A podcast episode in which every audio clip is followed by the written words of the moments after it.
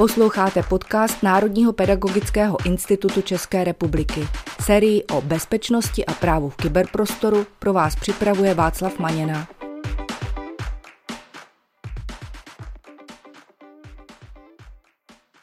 Vítám vás u dnešního dílu na téma předpovědi a novinky v IT bezpečnosti v roce 2023, který jsme pro vás připravili s Pavlem Matějíčkem.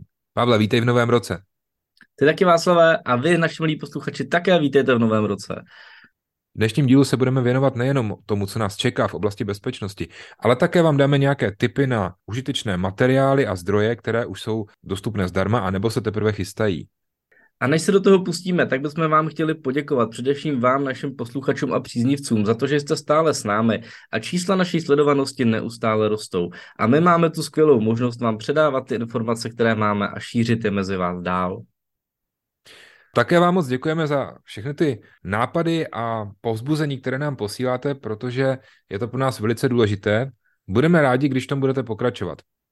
Také bychom chtěli poděkovat a slibujeme, že je to už poslední poděkování Národnímu úřadu pro kybernetickou bezpečnost, který našemu podcastu vystavil záštitu, takže máme záštitu Nukibu a to je taková pro nás známka kvality a velké ocenění. A tím se dostáváme k novinkám, které se týkají našeho podcastu. Nově nás najdete i na YouTube, jsme na kanálu Národního pedagogického institutu. Kterému také děkujeme. A my samozřejmě chápeme, že ty podcastové platformy nejsou pro každého a zjistili jsme to díky telemetrii, protože sledujeme, kolik lidí nás poslouchá a poslouchá nás hodně lidí i z počítače. Proto jsme se rozhodli ty naše tradiční platformy, na kterých nás můžete najít, například Apple Podcast, Google Podcast, Spotify a další rozšířit právě i o YouTubeový kanál.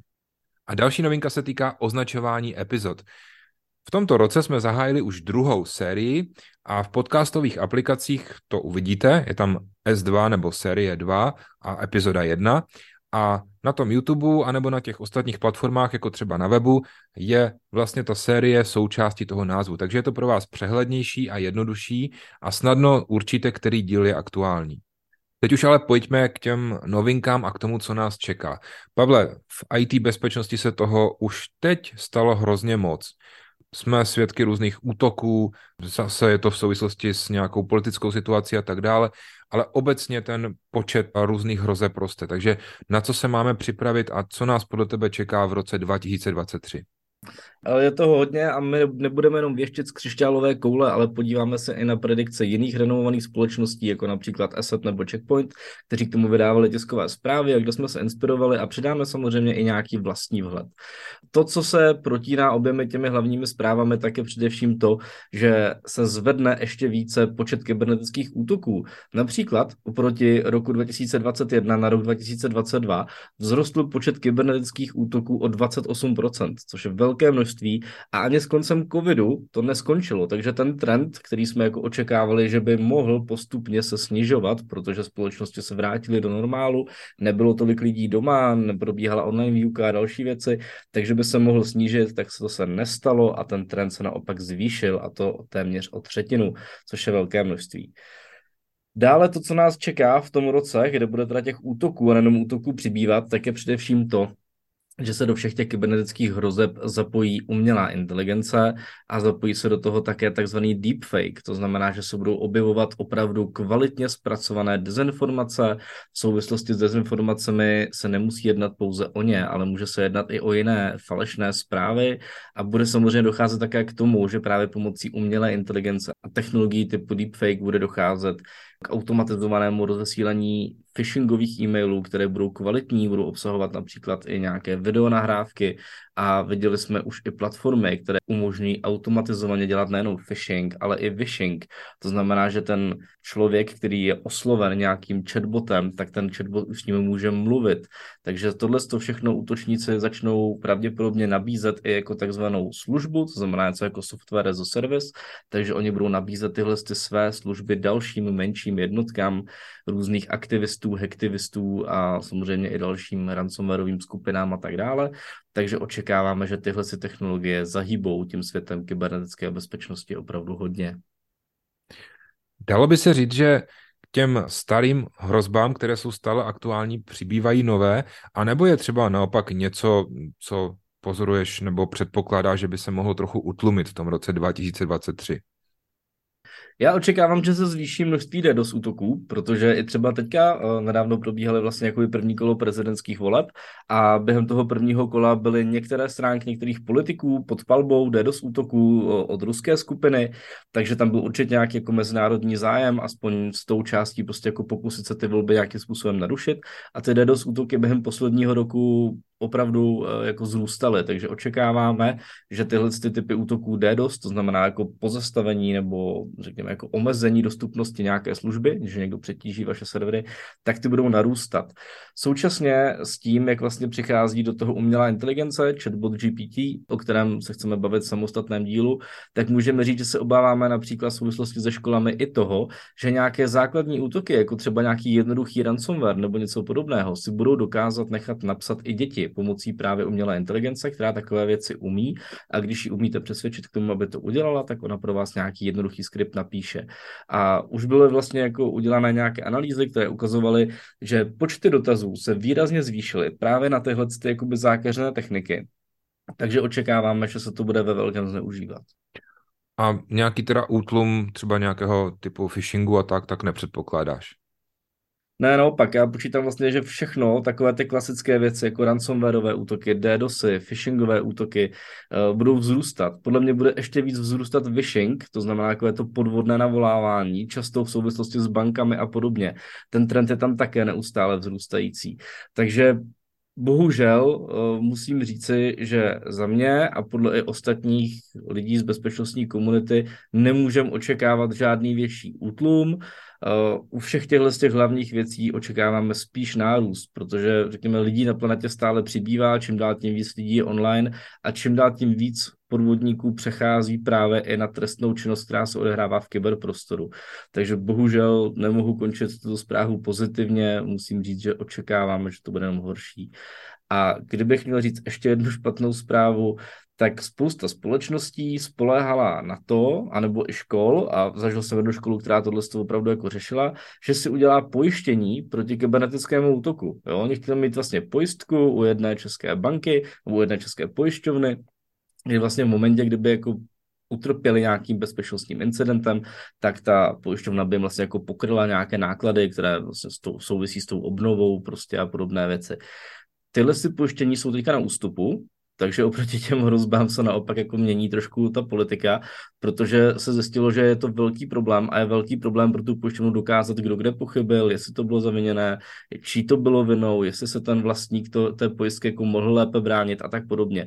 Takže tam jako vyvstávalo nečekané množství právní problematiky, která vlastně vyústila k tomu, že tyhle ty pojištění kybernetických rizik, jak se tomu říkalo, tak se teďka začaly pozastavovat.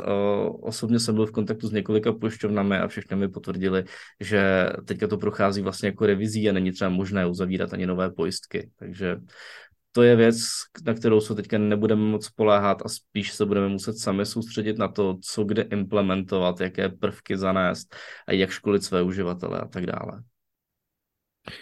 Takže i v roce 2023 bude velice důležité vzdělávat uživatele. Je to jedna z nejúčinnějších součástí prevence a tady už máme trochu lepší zprávy, protože vznikají nové projekty a vznikají nové materiály, které nám s tímhletím můžou pomoci.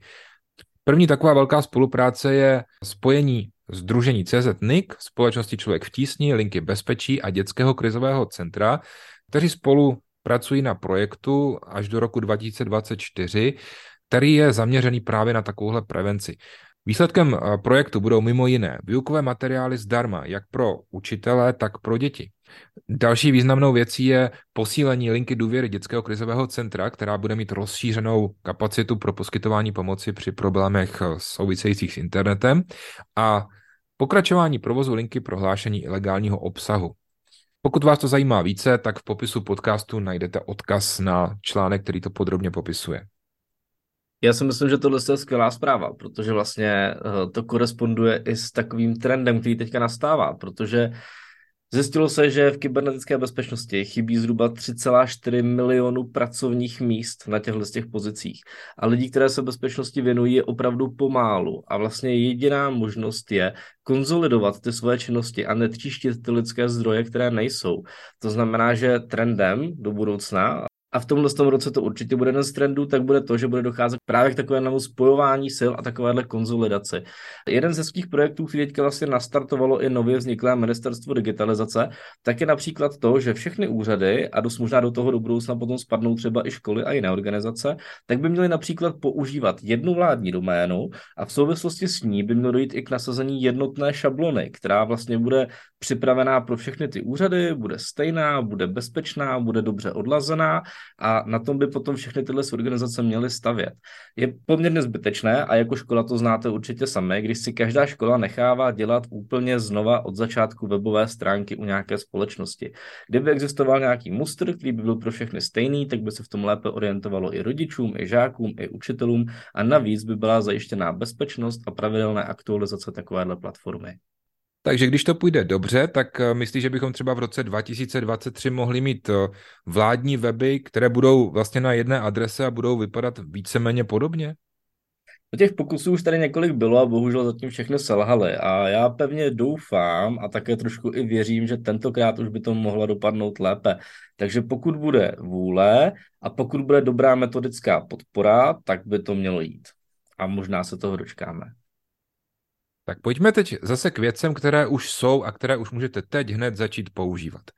První novinka, kterou můžou použít jak učitelé, rodiče, tak děti, je nový podcast, který se jmenuje Utržené sluchátko a je to podcast, který provozuje Linka Bezpečí. Tenhle podcast je ale primárně určený přímo dětem a jeho specifikum je také to, že ho děti sami vytvářejí. Takže když ho posloucháte, tak vlastně tam mluví dítě a musím říct, že je to něco, co mě i jako dospělého velice zaujalo. Ta forma je opravdu moc pěkná. Je to, zatím je tam jenom jeden díl, ale je to velice jako krátké, stručné a je to moc pěkně udělané. Je vidět, že je zatím hodně práce a i z hlediska té metodiky je to skvělá inspirace pro třeba ostatní učitele nebo tvůrce podcastu, jak by takový podcast pro děti mohl vypadat. Takže to určitě moc doporučuji.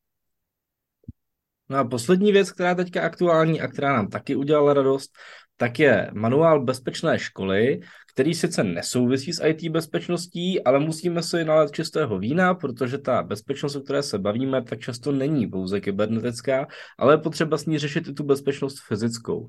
A tenhle ten manuál bezpečné školy, který vznikl od Asociace Bezpečná škola, tak je vytvořený právě pro zřizovatele škol, pro ředitele a další odborníky, kteří mají potom lepší orientaci v té dané problematice. A je tam i spousta příkladů a různých praktických typů, jak aktuálně zvýšit zabezpečení té školy, anebo jak tu bezpečnost vůbec nastavit.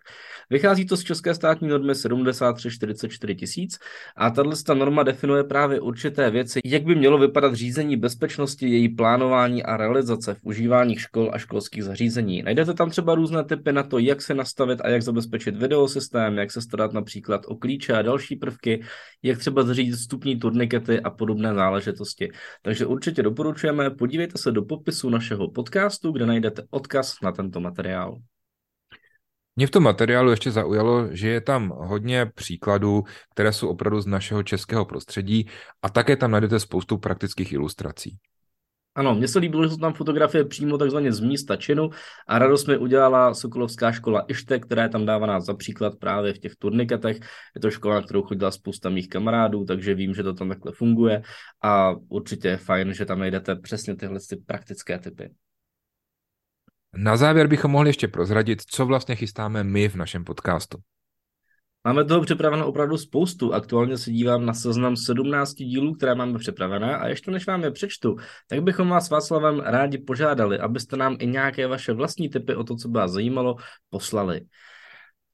Teď se podíváme na to, co jsme pro vás připravili my. Máme připravené nějaké hosty, budeme se věnovat například umělé inteligenci, máme tady díly, které budou zaměřené přímo na IT guru, budeme se bavit o Linuxu a jeho nasazení ve školách, centrální zprávy softwaru, hromadné zprávy mobilních zařízení, dojde samozřejmě i na autorské právo a dotkneme se také nové směrnice z Evropské unie, takzvané NIS 2, do které podle nás spousta škol spadne a minimálně i když nebude nařízená pro ně, jakože pro některé určitě, tak pro ty, které do ní nespadnou, tak by bylo určitě dobré se jí řídit.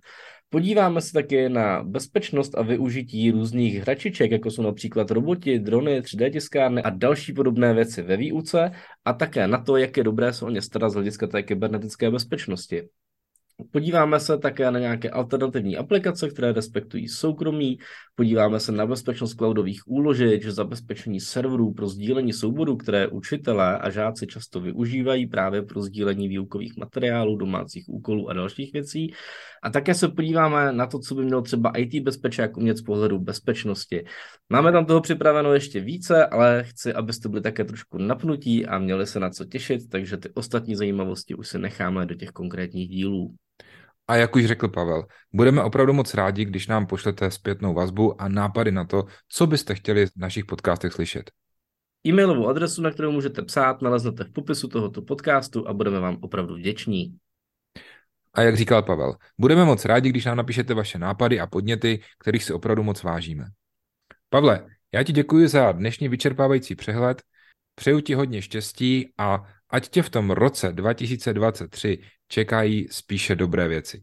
To samé přeju i tobě, Václave, a samozřejmě i našim posluchačům. Mějte se krásně a v novém roce se budu těšit na slyšenou.